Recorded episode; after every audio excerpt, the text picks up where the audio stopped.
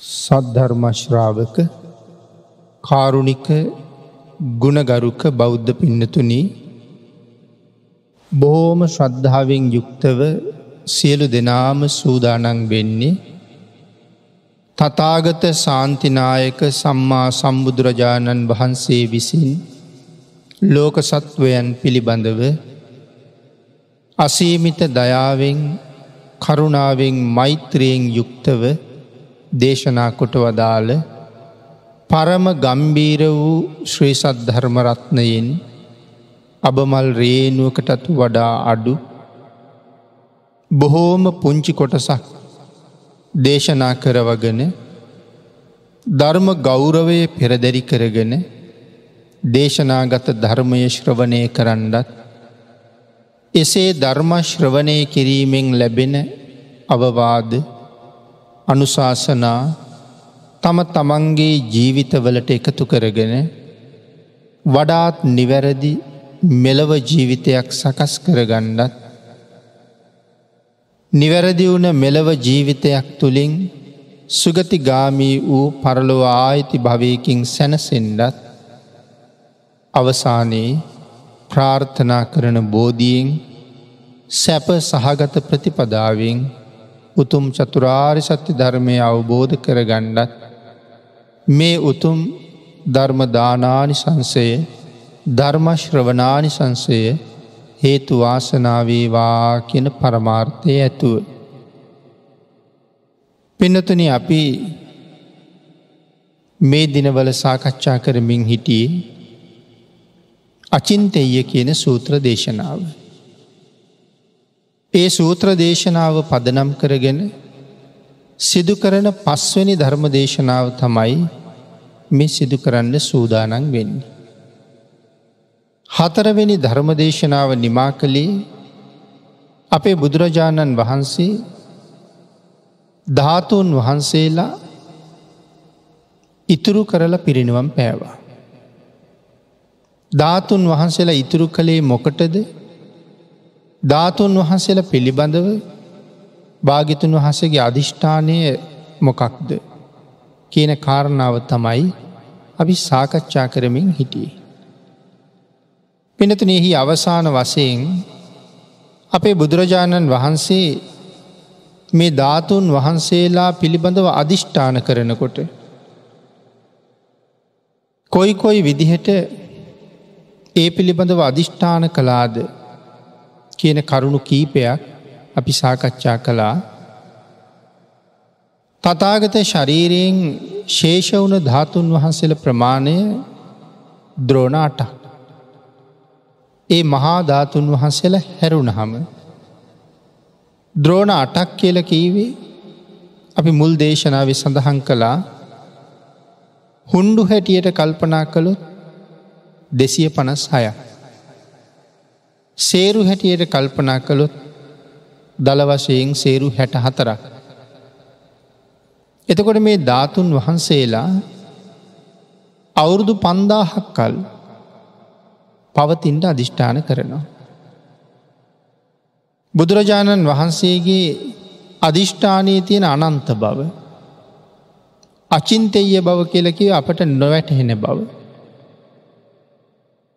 මේ සැබෑම සරුවඥ ධාතුන් වහන්සේ කවුරු කවුරු ළඟ අවුරුදු පන්දාහක් කල් වැඩ සිටිය යුතුද කියන කාරණාවත් බුදුරජාණන් වහන්සේ අධිෂ්ඨාන කරලයි තියෙන. ඒ ඒ පුද්ගලයාට අනුග්‍රහ වශයෙන් කොච්චර කාලයක් ඒ තැන්වල වැඩ සිටිය යුතුද කියන කාරණාව භාගිතුන් වහස අධිෂ්ඨාන කළා. පිනතන අපි අහල තියෙනවා සමහර ධාතුන් වහන්සේලා. නිසි විදිහට උපස්ථාන කරන්නේ නැත්තං. ඒ තියෙන තැනින් වෙන තැනකට වැඩම කරවනවා කියලා. ඒ කාරණාව භාග්‍යතුන් වහන්සේම අධිෂ්ඨාන කරන කාරණාව. ලෝතුරා බුදුරජාණන් වහන්සේගේ ශරීර ධාතුවෙන්ම ශේෂ වුණ උතුම් සරුවඥ ධාතුන් වහන්සේ නම යම් කෙනෙක් ළඟ වැඩ ඉන්නවනං. ඒ පුද්ගලයාට මේ ලෝකෙ ලැබෙන්ඩ තියෙන හොඳම වස්තුව තමයි ලැබිල තියෙන්නේ. ඒ ධාතුන් වහන්සේ තමන්ළඟ වැඩඉන්න නිසා ප්‍රඥ්ඥාව තියෙනවන නිවන් දකිනතුරු සතර අපායක නොවැටෙන්ඩ මහා කුසල් රැස් කරගණ්ඩ අවස්ථාවක් තමයි යොහුට ලැබිලතියෙන්නේ.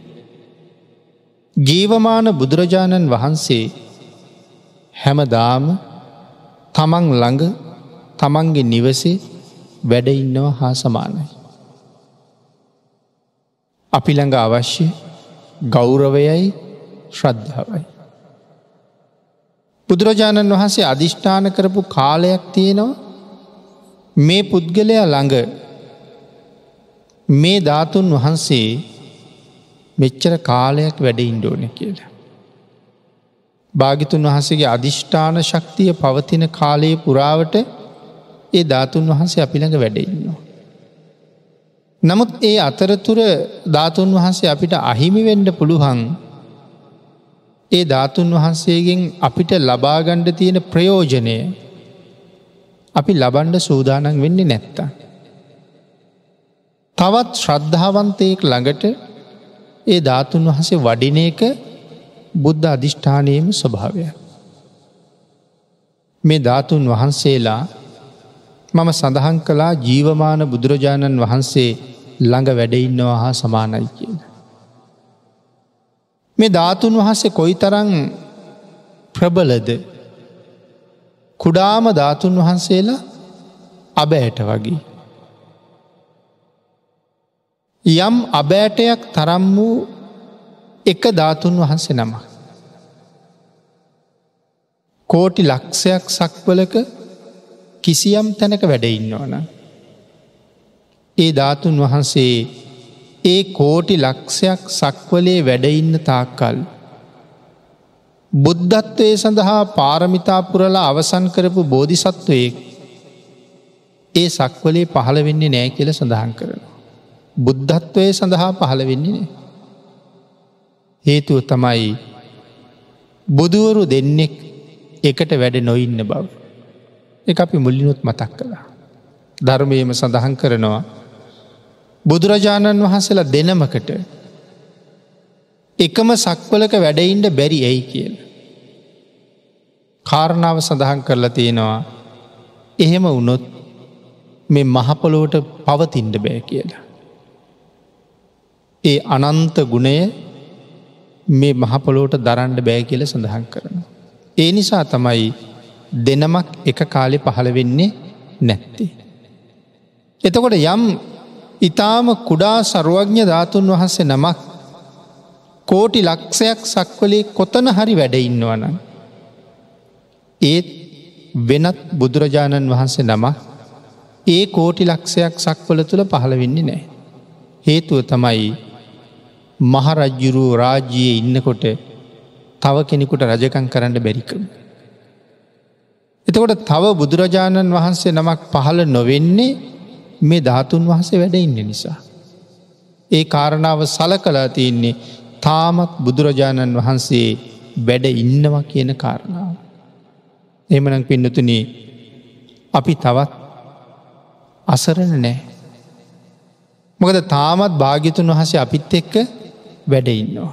ආයු සංස්කාරත් හැරිය බව ඇත්.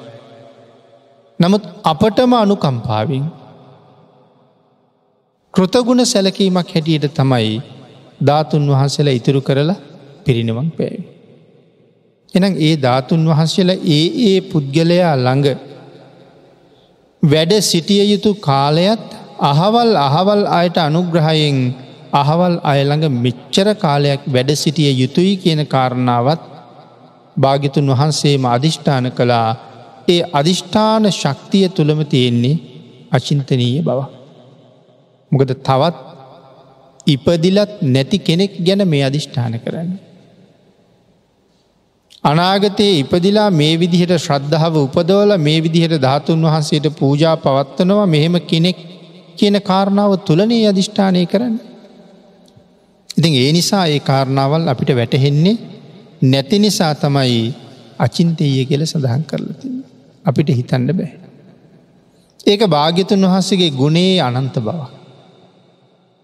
ඒ කාරණාවත් බුදුගුණ අනන්තයි කියල කියන කාරණාව තුළ මෙනෙහි කරන්න වටින තැන. ඊළඟට පින්නතුනේ බුදුරජාණන් වහන්සේ ලෝකෙට පහළ වෙන්නේ ධාතුන් වහන්සේලා විසිරුවන්ඩ නෙමෙයි. අනුකම්පාව නිසත් කෘතගුණ සැලකීම උදෙසාත් ධාතුන් වහන්සේලා අපට ඉතුරු කලා මිසක් බුදු කෙනෙක් ලෝකෙ පහළ වෙන්නේ ඒ කාරණාව සඳහා නෙමෙයි. එනම් මොකටද බුදුරජාණන් වහන්සේලා ලෝකෙ පහළ වෙන්න. ඒ කාරණාව විශේෂයෙන් සිහිපත් කරනවා බුදුරජාණන් වහන්සේලා පහළ වෙන්නෙම ලෝක සත්වයට ධර්මය දේශනා කරන්න. ධර්මය උපද්දවල දෙට. කාලයේ වැලිතලාවෙන් වැහිල ගිහිල්ල තියෙන ධර්මය නැවත වතාවක් ඉස්මතු කරන්න. කාශ්‍යප සම්මා සම්බුදුරජාණන් වහන්සේගේ ශාසනයේ අතුරු දහන් වෙලා බොහෝ කාලයක් ගියාට පස්සේ තමයි අපේ බුදුරජාණන් වහන්සේ පහළවෙන්න. එමනම් කාශ්‍යප සම්මා සම්බුදුරජාණන් වහන්සේ මේ නිර්මල චතුරාර්ය සත්‍ය ධර්මය අපට දේශනා කළා. නමුත් භාගිතුන් වහන්සේගේ ශාසනය අතුරු දහන් වෙනකොට ධර්මරත්නයත් අපිට අහිමි වෙනවා. එතන ඉඳලා අපේ භාගිතන් වහසේ ලෝකෙ පහළ වෙනකං මිනිස්සුන්ට හැබෑ ධර්මයක් හැබැ ධර්මයක් නෑ. මිත්‍යා දෘෂ්ටිකව ජීවත්වෙනවා. සතර අපායේ දොර ඇරගත්ත පිරිසක් බවට පත්වෙනවා. නමුත් ධර්මය ලෝකෙ තියෙනවා මිනිස්සුන්ගෙන් ඇත් වෙලා හින්න. නැවත බුදු කෙනෙක් ලෝකෙ පහළ වෙනව කියල කියන්නේ. ඒ සැඟවිලා ගියපු ධර්මය නැවත වතාවක් එලියට ගන්නවා කියන එකයි. විශ්ව න්‍යාය ධර්මය බුද්ධ ධර්මය කියල කියන්නේ හැබැවිම්ම ස්වභාව ධර්මය. එක භාගිතුන් වහසගේ දේශනාවෙන්ම භාගිතුන් වහස පැහැදිලි කරනවා. මේ ස්වභාවය සත්වයා මැරෙනවා නැවත උපදිනවා. මැරුණ සත්වයා උපදින්නේ ආපහු මිනිසෙක් වෙලාමද මිනිහෙක් මැරුණොත් මිනිහෙක්මද වෙන්නේ. දෙවියෙක් චුත වුණහම ආපහු දිව්‍යලෝකෙම උපදිනවද. තිරිසනෙක් මැරුණ හම තිරිසං ලෝකෙම උපදිනවද. නිරයෙන් චුත වෙන අය නිරේම උපදිනවද. එහෙම නැත්තං වෙන කොහැරි උපදිනවද. කියන කාරණාව මේ ස්වභාව ධර්මයට අනුව තීරණය වෙන දෙයක්. යමෙක් මේ ලෝකෙ ජීවත් වෙනකොට ඔහු විසින් කළ යුතුයි නොකළ යුතුයි කියලා කටයුතු දෙකක් තියෙනවා. මිනිස්සු වැලකිය යුතු කාරණා සහ පිළිපැදිය යුතු කරුණු තියෙනවා. යම් කෙනෙක් ස්වභාව ධර්මයට එරෙහි වෙනවනන්. ස්වභාව ධර්මයට එරෙහි වෙන අයට ස්වභාව ධර්මය අකාරුණික වෙනවා. අං ඒ නිසා ඒයට දඩුවම් කරනවා ස්වභාව ධර්මය විසින්. ස්වභාව ධර්මයේ නීතිය බිඳලදාපු නිසා. මෙහෙම නීතියක් ස්වභාව ධර්මය තුළ තියෙනව කියන කාරණාව අපි දන්නේ නෑ කියල කීවොත්. ඒ නොදන්නා බවට නිදහසක් නෑ. පිනතින වර්තමානය අපි තුළ තියෙන නීතියත් එහෙමයි. කෙනෙක් වාහනයක් පදවන්ඩ පාරට අරගෙන ඒ වාහනේ දකුණු පැත්තෙන් පදවගෙන යනවන. එයා නීතියේ වැරදිකාරයෙක් බවට පත්වෙනවා. නමුත් නීතියට අහුනාට පස්සේ මම දන්න නැති නිසයි එහෙම කළේ. මාර්ගනීති උල්ලංඝනය කලානම් මම දන්නේ නැති නිසයි එහෙම කළේ කියල කීවට අපිට සමාවක් හම්බ වෙන්න නෑ. එනම් දැනගෙන තමයි පාරට එන්ඩුවන. එන මේලෝක ඉපදිච්චා අපි ස්වභාව ධර්මය ක්‍රියාත්මක වෙන හැටි අපි දන්නේ නැති නිසයි මෙහෙම කළේ කියල කීවට අපිට නිදහසක් හම්බෙන්නේ හම්බෙන්නේ නෑ. ඒ නිසා ස්වභාව ධර්මය විසින් වැරදි කරන අයට දඩුවන් කරන්න සකස් කරපු හිරගෙවල් ප්‍රධාන වශයෙන් අටක් තියෙනවා. එවට අපි කියනවා අටමහ නිරේ කියලා. අටමහ නිරය ඇසුරු කරගත්ත කුඩා කුඩා අනු නිරේවල් එකසිය විසි අටක් තියෙනවා. එවට කියන ඔසුපත් නිරේ කියලා. එනම් කුඩා නිරේවල් එකසිය විසි අටයි මහනිරේවල් අටයි ඔක්කොම එකතුනහම එකසිය තිස් හයක් වෙනවා. එතකොට නිරය කියන මට්ටමෙන් නිරේවල් එකසිය තිස් හයක් ගැන අපි කතා කරනවා. යම් කෙනෙක් ප්‍රාණඝාත කරන්නේද ඔහු ස්වභාව ධර්මයට එරෙහි වුණ පුද්ගලී. මමත් මේ ස්වභාව ධර්මයක සාධකය. ඔබත් මේ ස්වභාව ධර්මයක සාධකය. මදුරුවෙක් කියල කියන්නෙත් ස්වභාව ධර්මයම සාධකය. කූබියෙක් කියල කියන්නෙත් මාළුවෙක් කියල කියන්නෙත් මෙ සියලුම සත්වයෝ ස්වභාව ධර්මයම සාධක. තවත් විදිහකට කිවොත් ස්වභාව ධර්මයාගේම දරුවූ. තවත් බලවත් කෙනෙක් තවත් දුරුවලයකුට කරදර කරනවනං එක වරද.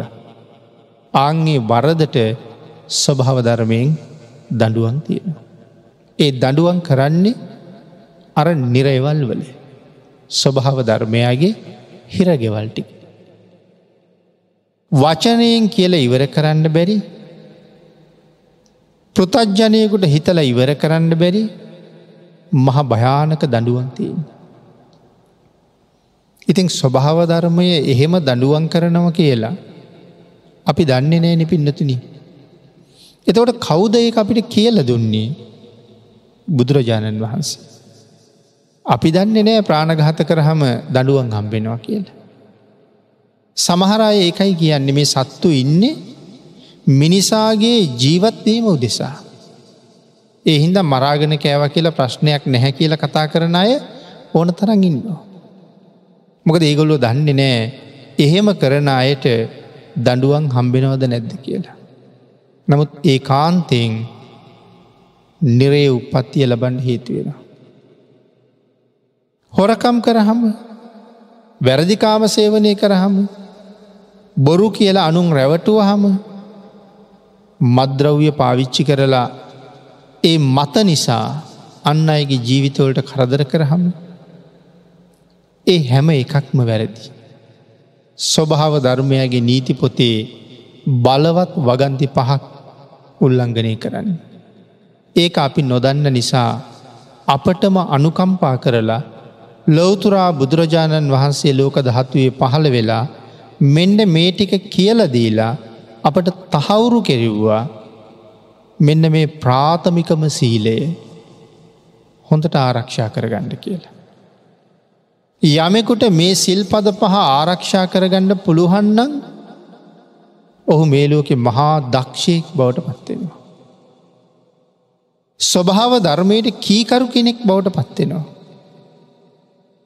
එනිසා ඔහුට ලොකු සහනයක් රැකවරණයක් ඒ සීලයේ තුළ තියෙනවා විතරක් නෙවෙයි තව බොහෝ දෙනෙකුට සහනයක් උදා කරලා දෙන්නත් ඒ නීතියට කීකරු වෙච්ච පුද්ගලයට හැකියාවක් තියෙනවා. ඒ ගැන බුදුරජාණන් වහන්සේ දේශනා කළා දක්කින විභංග සූත්‍රී. යම් කෙනෙක් තෙරුවන් සරණ ගියපු කෙනෙකුට යම් උපකාරයක් කරනවනං ඒක ඔහුට විපාක දෙනවා සැප සහිතව අනාගත ජීවිත අසංකීයක. සැප සහිතව විපාක දෙන. ඒ තෙරුවන් සරණ ගිය නිසා. තෙරුවන් සරණ ගිහිල්ල පන්සිලුත් ආරක්ෂා කරනවන ඒ පුද්ගලයට උපකාර කරපු කෙනාට ලැබෙන ආනිසන්සේ අර අසංකේයට වඩා හුඟක් වැඩි. නමුත් කොච්චරද කියල කියන්ඩ මේ ලෝකෙ වෙන කතා කරන්න ඉලක්කමක් නෑ. අවසාන ගාන තමයි අසංකය. තව කෙනෙක් තෙරුවන් සරණ ගිහිල්ලා අටසිල් ආරක්ෂා කරනවන ඔහුට කරන උපකාරයයි පන්සිල් ආරක්ෂා කරන කෙනාට කරපු උපකාරයයි අතර වෙනස ප්‍රමාණයෙන් අපිට දක්වන්න බෑ. නවාංගුපෝ සතය තුළ කෙනෙක් ඉන්නවනං අටසිල් රකින කෙනාට වඩා හුඟක් හුඟක් උසස්. ගෘහස්ත දසසීලේ ඊට වඩා උසස්. සාමනේර දසසීලේ ඊටත් වඩා උසස්. උපසම්පදාසීලය ඊටත් වඩා හුඟා උසස්. ඒ සීලය ආරක්ෂා කරගෙන වත් පිළිවෙට්ටික මනාව සම්පූර්ණ කරනවා නං යම් භික්‍ෂුවක්. උපසම්පදාව තුළ විතරක් ඉන්න භික්‍ෂුවට කරන උපකාරයට වඩා වතත් සම්පූර්ණ කරන භික්‍ෂුවට කරන උපකාරය ඊටත් වඩා උසස්. ඊළඟට පින්නතුන මේ සඳහන් කළේ කරන උපකාරය කියලා. තිසරණ තියෙන කෙනෙකුට කෑම වේලක් දුන්නොත්. කෑම දුන්න කෙනාට අනාගත ජීවිත අසංකෙය ආකාර අසංකයේව පහකින් විපාක දෙනවා. ආයුෂයෙන් වර්ණයෙන් සැපයෙන් බලයෙන් ප්‍රඥාවේ. ඒ සිල්වතෙක් හම්බුණ නිසාන ඒ ලාබේ අපි ලැබුයි. එනම් භාගිතුන් වහසේ දේශනා කරන මේ ප්‍රතිපදාව ගරු කරන්න පටන්ගත්තොත් යමෙක්. ඔහු ලෝක සත්වයාට මොනතරං සාධහරණයක් කරනවාද. මොනතරං උපකාරයක් කරනවාද. කියන කාරණාව මෙත්තන බොහොම වටිනවා. එනම් භාග්‍යතුන් වහන්සේගේ පරමාර්ථය තමයි ලෝකයාට ස්වභාව ධර්මයාගේ යථා ස්වභාවය පැහැදිලි කරලා දෙනේ. ඒක තමයි සඳහන් කළේ එකම පරමාර්ථය ධර්ම දේශනා කරන එකයි. සතර අපායෙන් මුදවලා සංසාරින් එතර කරන එකයි. බුදුරජාණන් වහන්සේ දේශනා කරපු ධර්මය. පිනතින කොච්චර කාලෙකටද අපි ඒකට කියන්නේ අකාලිකයි කියලා. මේ ධර්මය අකාලිකයි. ඕ නෑම කාලයක ප්‍රතිඵල ලබන්ඩ පුළුවන් ප්‍රයෝජන හොයන්ඩ උත්සාහ කරන කෙනට. ධර්මානු ධර්ම ප්‍රතිපත්තියේ හැසිරෙනවාද යමෙක් යම් කාලයක ඔහුට මේ ධර්මයෙන් පල නෙලන්න පුළුවන්. අද සෝවාන් වෙන්න බැහැනි අද රහත්වෙන්ඩ බෑනි කියල කතා කරන අය අපේ සමාජ ඕන තරන් ඉන්නවා. එදා පල ලැබුවට අද පලලන්න බෑ කියලා. එහෙම එකක් බුදුරජාණන් වහන්සේ දේශනා කරලා නෑ. මේ ගෙවීගෙන යන්නේ මේ බුද්ධ ශාසනයේ අධිෂ්ඨාන කරපු පන්දාහක් කාලයේ මේ ගෙවෙන්නේ තුන්වෙනි දාහ. පළවෙනි දාහි රහතන් වහන්සේලාම වැඩි. දෙවනි දාහත් රහතන් වහන්සේලාම වැඩි. තුන්වෙනි දාහේ අනාගාමින් වහන්සේලා වැඩි. ඒකැනෙ රහතන් වහන්සේලා නෑ කියන එක නෙමේ රහතන් වහන්සේලා ඉන්නවා අනාගාමී අය වැඩි.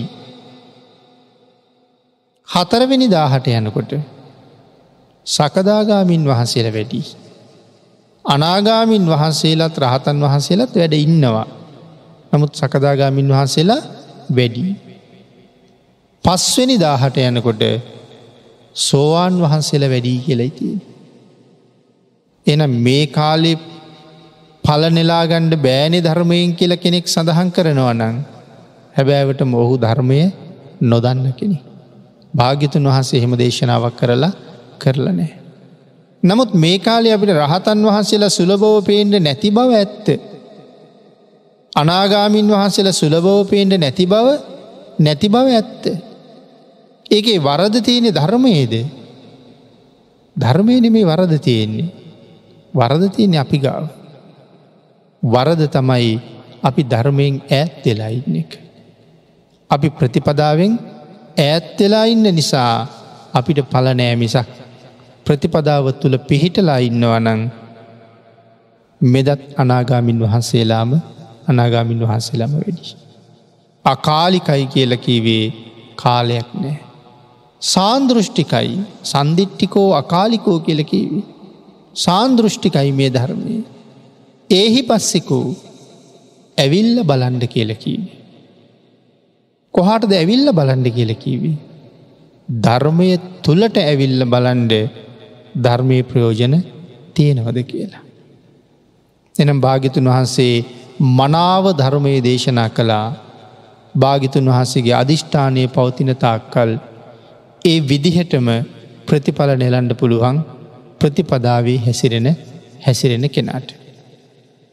ඊළකට පිඩතුනේ අපේ බුදුරජාණන් වහන්සේ ඉතාම දුක් සහිතව මහන්සි වෙලා මේ ධර්මය අවබෝධ කළේ පහසුවෙන් අවබෝධ කලා නෙමේ. මොන තරං දුක්වින්නද. මහාකල්ප අසංක්‍ය හතරයි ලක්ෂ එකක්.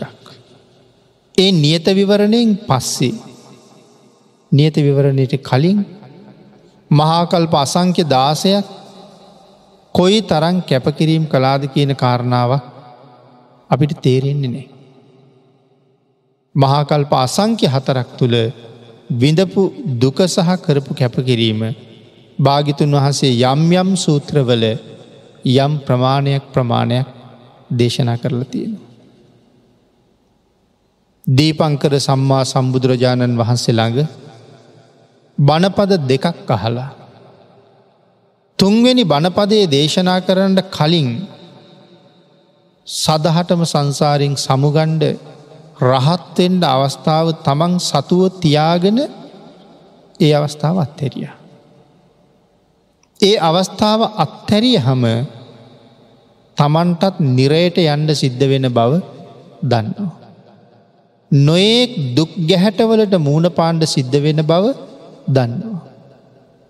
පිනතුන අපි වෙනුවෙන් නිරයට ගියත් කමක් නෑ කියලා මහ බෝසතණන් වහස කල්පනා කරනවා.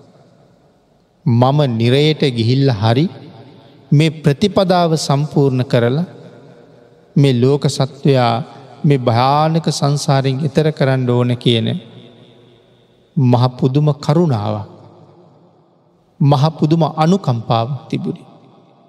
අං ඒ නිසයි පාරමීටික සම්පූර්ණ කරලා සම්පූර්ණ කරලා එහි අග්‍රඵලය හැටියට ලොවතුරා බුද්ධත්වය ලබාගත්. ධර්ම දේශනා කිරීම සඳහාමයි. සුමේද තාපසතුමාට බණ කියන්න බැරිවුණාද සුමේද තාපසතුමාටත් හොඳටම ධර්ම දේශනා කරන්න පුළුව. ඇයි අභිග්ඥාලාබී තවසේ. අවශ්‍යනං අපාය පෙන්නලා බණ කියන්නත් පුළුවන් දිවියලෝක පෙන්න්න ඕන තැන දිවියලෝක පෙන්නලා බණ කියන්නත් පුළුවන්. කොච්චර ආවිෂ තිබුණද සුමේද තාපසතුමාට. මිනිස්සුන්ගේ පරමාවිශ අවුරුදු ලක්ෂයක් කාලි. අවුරුදු විසිදාහක්ම ත්‍රිපිටක ධර්මය ඉගෙන ගත්තත්. තව අවුරුදු අසූදාහක් තියෙනවා බණ කියන්ට. නමුත් සුමේද තාපසතුමා බණ කියන්ට දුත්සහ කළි බණ කියන්න නෙම උත්සාහ කළේ. මහාකල්ප අසංක්‍ය හතරයි ලක්ෂ එකක් තිස්සේ පාරමිතා සම්පූර්ණ කරනවා කියලා මොකක්ද මේ කළේ. ධර්ම දේශනා කරන්න සුදුස්සෙක් බවට පත් වුණ. බුද්ධත්වය ගාවට යනවා කිය ඒකන ධර්ම දේශනා කරන්න සුදුස්සෙක් බවට පත් වුණ. එහෙනම් භාගිතුන් වහන්සේගේ ධර්මය දේශනා කරනවා කියන එක සුළු පටු කාර්යයක්ද එක සුළු පටු කාරයක් නෙමේ පිළිතුන්. එතකොට අපි ධර්ම දේශනා කරන්න සුදුසුද මේ කතාව ඇහුවහම අපි ධර්ම දේශනාවක් කරන්න කිසිසේත් සුදුසුකං තියෙනයි නෙමෙයි. නමුත් එහෙනම් දේශනා කරන්නේ මේ මට්ටමෙන් හරි මේ කාර්ය කරන්න වෙනත් පිරිසක් නැති නිසා තමයි ස්වාමීන් වහසල ධර්ම දේශනා කර. එහෙම නැත්තං මේ ධර්මයේ වචනයක්වත් දේශනා කරන්න සුදුසුනේ. ඒ තරම්ම නිර්මලයි ධර්මරත්නය. ඒ තරම්ම ශ්‍රේෂ්ඨයි ධර්මරත්නය. එක කවදාවත් කාටවත් මොනම හේතුවක් නිසාවත් වෙනස් කරන්න බැරි දෙයක්. මේ ලෝකෙ අනික් හැම දෙයක්ම වෙනස් කරනවා. විද්‍යාවත් බොහෝම දියුණුයි කියල කතා කරන කාලය. නමුත් යමෙක් හරියට ධර්මය අදුරගත්තන ධර්මය අදුරගත්ත කෙනට තේරෙනවා මේ ධර්මයත් එක්ක සංසන්ධනය කරනකොට විද්‍යාව කියන්නේ කොයි තරං නොදිවුණු විෂයක්ද කියලා. මොකද භාගිතුන් වහන්සේ ගේ අවබෝධයෙන් ප්‍රකාශ කරපු වචනයක් මේ බටහිර විද්‍යාව කියන තැනට එකතු කරලා තියෙන නිසා මිනිස්සු හුඟා පැටලෙනවා. විද්‍යා කියන වචනය බුද්ධාගමී වචනය. මංගල ධර්මදේශනාව ලෝකයට දේශනා කරපු වෙලාවෙ තමයි විද්‍යා උදපාදි කියල භාගිතුන් වහස පාවිච්චි කළ. එතනයි විද්‍යා කියන වචන තියෙන්. එක පස්සේ කවුරුහරි හොරකං කරගත්ත නිසා අපි හුඟක් අය හිතනවා බුදු දහම විද්‍යාව තරං දියුණු නැතිව ඇති කියලා. නමුත් භාගිතුන් වහසගේ ධර්මය ළඟ විද්‍යාව ලදරු මට්ටමියවත් නෑ. විද්‍යාවේ බොහෝ දේවල් කාලෙන් කාලෙට වෙනස් වෙනවා. එක එක නිර්ණායක එක එක කාලෙට වෙනස් කරනවා. නමුත් දැන් අවුරුදු දෙදහස් හයිසිය ගණනකට කලින් භාගිතුන් වහස දේශනා කරපු වචනයක ඇල්ල පිල්ලක්වත් වෙනස් කරන්න පුළුවන් කෙනෙ ලෝකෙ නැති බවම දේශනා කළා දෙවියෙකුටත් බෑ බ්‍රහ්මයකුටත් බෑ මාරයකුටත් බෑ. මනාව දේශනා කරලා පනවලයි තියෙන්නේ. ආදේශනා පඤ්ඥපනා පට්ටපනා විවරණා විභජන මනාව විවරණය කරලා පනවලා තියන්නේ එක වෙනස් කරන්න කෙනෙක්. තව ලොවතුරා බුදුරජාණන් වහන්සේ නමක්වත්. ගෞතම සම්මා සම්බුද්ධ ප්‍රාජෝත්තමයණන් වහන්සේ දේශනා කරපු ධර්මයේ ඇලපිල්ලක් ඉස්පෙල්ලක් අල්කිරීමක්වත් වෙනස් කරන්නේ නෑ. ඒ තරම්ම ශ්‍රේෂ්ඨයි ධර්මරත්නය. එවන් වූ ධර්මය දේශනා කරන්න භාගිතුන් වහන්සේමයි සිදුසු. නමුත් මුලින් සඳහන් කලා වගේ මේ මට්ටමින් හෝ මේ කාර්ය කරන්න පිරිසක් නැති නිසා වර්තමාන භික්‍ෂූන් වහන්සේලා භාගිතුන් වහසගේ දේශනාව ඉගෙනගෙන අල්ප මාත්‍රයක් ලෝකයට පැහැදිලි කරනවා. ඒ පැහැදිලි කිරීමෙදී ලාභය උදෙසා ප්‍රසංසාව උදෙසා ලෝභය උදෙසා කීර්තිය උදෙසා යමෙක් ඇලපිල්ලක්ද මේ ධර්මය වෙනස් කරන්න. සඳහන් කළා ඔහු භාගිතුන් වහසගේ පරම හතුරෙක් කියල. යමෙක් වෙනස් කරනවනං බරද්ධනවනං ධර්මය ලාබලෝබෝ දෙසා ඒ භාගිතුන් වහසගේ පරමහතුරේ.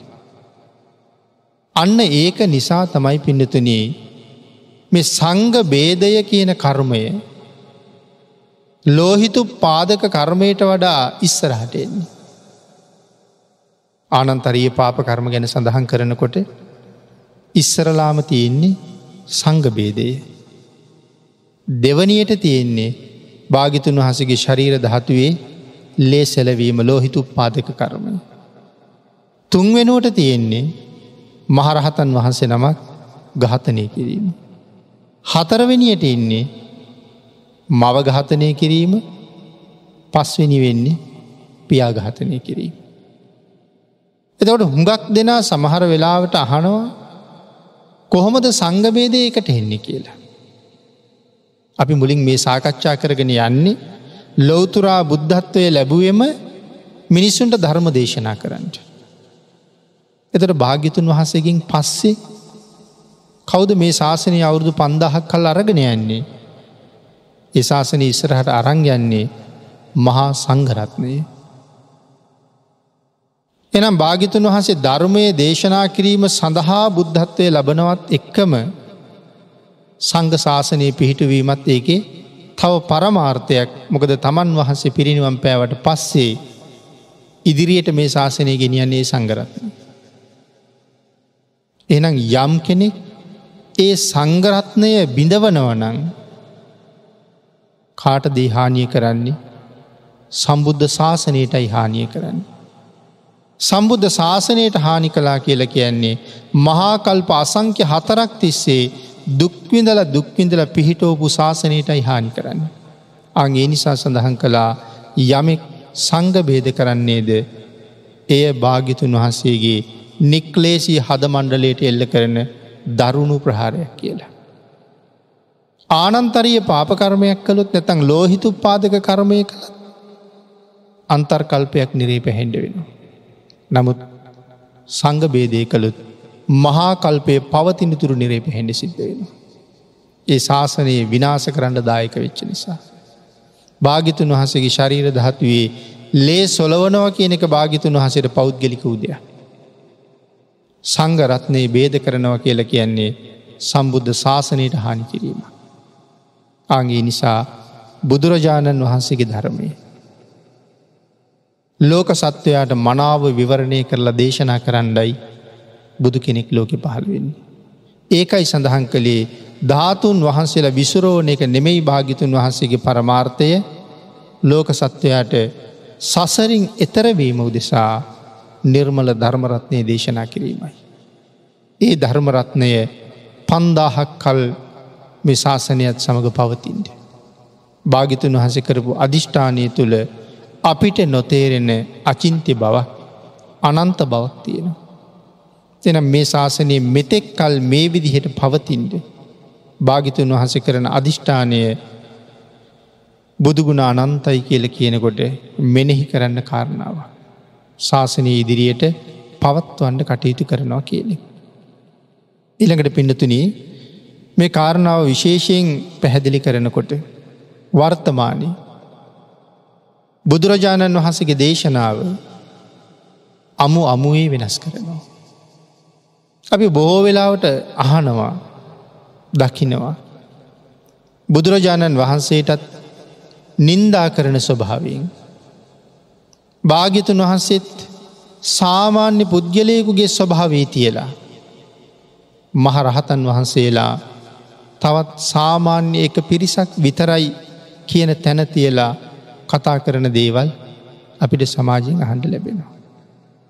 බුදුරජාණන් වහන්සේ දේශනා නොකරපු කරුණු භාගිතුන් වහසේ දේශනා කලා යැයි ප්‍රකාශ කරනව සමහරලාට හෙනවා. නිර්මල ත්‍රිපිටකේ හෙව්වොත් කොතනවත් හොයාගණ්ඩ නැති වචන ධර්මය යැයි පෙන්නෙනවා. මේ ධර්මරත්නය අයිතිය සැරියුත් මහරහතන් වහන්සේටවත් භාගිතුන් වහස දෙන්නේ නෑ. ධර්මරත්නය අයිතිය දෙන්නේ.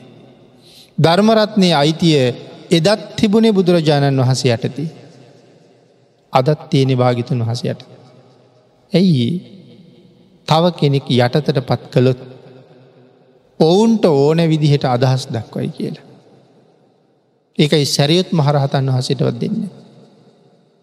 බුදුරජාණන් වහසේ දේශනා කළේ කිසි කෙනෙක් තමන්ගේ භාවනා අත්දැකීම ශ්‍රාවකයන්ට පැහැදිලි කරන්න එපා කියල. තමන්ගේ අත්දැකීම කියන්න යන්න එපා. එන ශ්‍රාවකයන්ට පැහැදිලි කළ යුත්තේ කාගේ අත්දැකීමද. බුදුරජාණන් වහන්සේගේ භාවනා අත්දැකීම තමයි පැහැදිලි කරන්න ඕන. මොකදද බුදුරජාණන් වහසගේ භාවනා අත්දැකීම කියල කියන්නේ. භාගිතන් වහසගේ භාවනා අත්දැකීම කියල කියන්නේ අසූහාරදාහක් ධර්මස්කන්දී. තමන්ට හිතන දේ කියන්න එපා කියලයි දේශන කළ. ගොද වෙනත් කෙනෙකුට හිතෙන විදිහට තවත් කෙනෙකුට නිවනට යන්න බෑ. තවත් දේශකයෙක් දේශකයන් වහන්සේ නමකට අපේ නිවන තියෙන තැන කියන්න බෑ.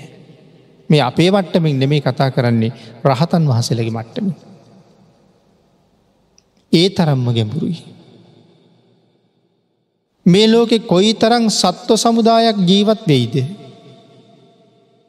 ඒ සියලු දෙනාගේම නිවන් මඟ දන්න එකම ශාස්තෘන් වහසේ බුදුරජාණන් වහස විතරයි.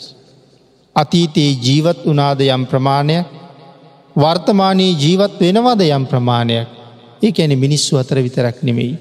දෙවියන් බඹුන් මරුන් අතරත් මිනිස්සු අතරත් ඔය තිරිසං සත්තු නිරේගාමී සත්තු ප්‍රේතලෝකවල ඉන්න අය මෙ සියලු දෙනාම ගැන. කොයි කාලෙද නිවන් දකින්න. කවදහරි නිවන් දකිින් ඕනේ. එන අද අපි යම් කූම්බියෙක් ගැන කතා කළු. ඒ කූම්බියා නිවන් දකින දවසත් බුදුරජාණන් වහසදයි.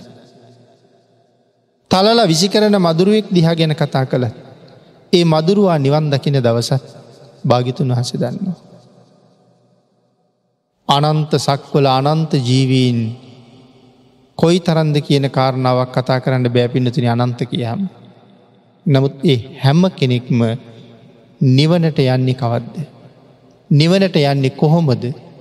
ඔවුන්ට නිවනට හේතුවෙන කාරණාව මොකක්ද කියන කාරණාව බුදුරජාණන් වහන්සේ මයිදන්න. අපි එක උදාහරණයක් සඳහන් කළොත්. අනුරාධපුරේ මහසෑය. මහමෙවුණාව යෙන වැඩඉන්න. අපි දාහක් දෙන අරගත්තොත් ඒ දාහටම මහසෑය ගාවට යන්ඩ වෙනම පාරවල් දාහක් හදාගණ්ඩ පුළුවන්නේ. දාහෙන් දෙන්නෙක් එක පාර කියන්නේ දාහටම පාරවල් දාහකින් මහසෑයගාවට එන්න පුළුවන්. ආංගේ වගේ තමයි නිවන කියල කියන්නේ එක ලක්ෂය. මේ අනන්ත සක්වලේ කොයි තරං ජීවින් ඉන්නවාද. ඒ හැම කෙනෙකුටම මෙ නිවන කියන තනි ලක්ෂය ගාවට යන්ඩ තමන්ටම පෞද්ගලික වෙච්ච තනි පාරක් තියෙනවා. මම නිවන් දකින විදිහට තව කෙනෙකුට ඒ නිවන අවබෝධ කරන්න බෑ. ආගේ නිසා හැම්ම කෙනෙකුටම නිවන ගාවට යන්ඩ තමන්ගේ පෞද්ගලික පාරක් තියෙනවා ඒක දන්න එකම කෙනා භාගිතුන් වහස විතරයි. හැබැයි මේ අසූහාර දාහක් ධර්මස්කන්දය ඇතුළේ ඒ සියලු දෙනාගේම නිවනට යන පාරතියෙන. නිවනට හේතුවෙන වචනය මේ අසූහාර දාහක් ධර්මස්කන්දය ඇතුළි තියෙනවා. අන්න ඒ නිසා තමයි බණ අහනකොට වචනයක් වචනයක් ගානය අහන්ඩ කෙලකිවේ. සුතා දතා වචසා පරිචිත වචනයක් වචනයක් ගානේ මනාව අහන්ඩෝනේ. ආං එහෙම අහනකොට තමයි මගේ ජීවිතය වෙනස් කරන වචනය මට ඔය දේශනාවක් අතරින් හම්ප වෙන. එදාට මේ ජීවිතයේ සම්පූර්ණ වෙනස් වෙනවා. හැබැයි බණ අහන ගමන් වෙන වෙන දේවලුත් කර කර බණ ඇහුවොත් මගේ ජීවිතයේ වෙනස් කරන ධර්මකාරණා ටික අර වෙන වැඩක ඉන්න අතරි මග ඇරෙන්ට පුළුවන්. හරියටම බණහනුව නං හරියට මහන්ඩිකිවේ නිසා. පිනතනි ධර්ම දේශනාවට තියෙන කාලය නිමා වෙලා තියෙන නිසා. අචින්තය සූත්‍රය පදනම් කරගෙන කරන පස්වනි ධර්ම දේශනාව අපි මේ විදිහට නිමා කරමු.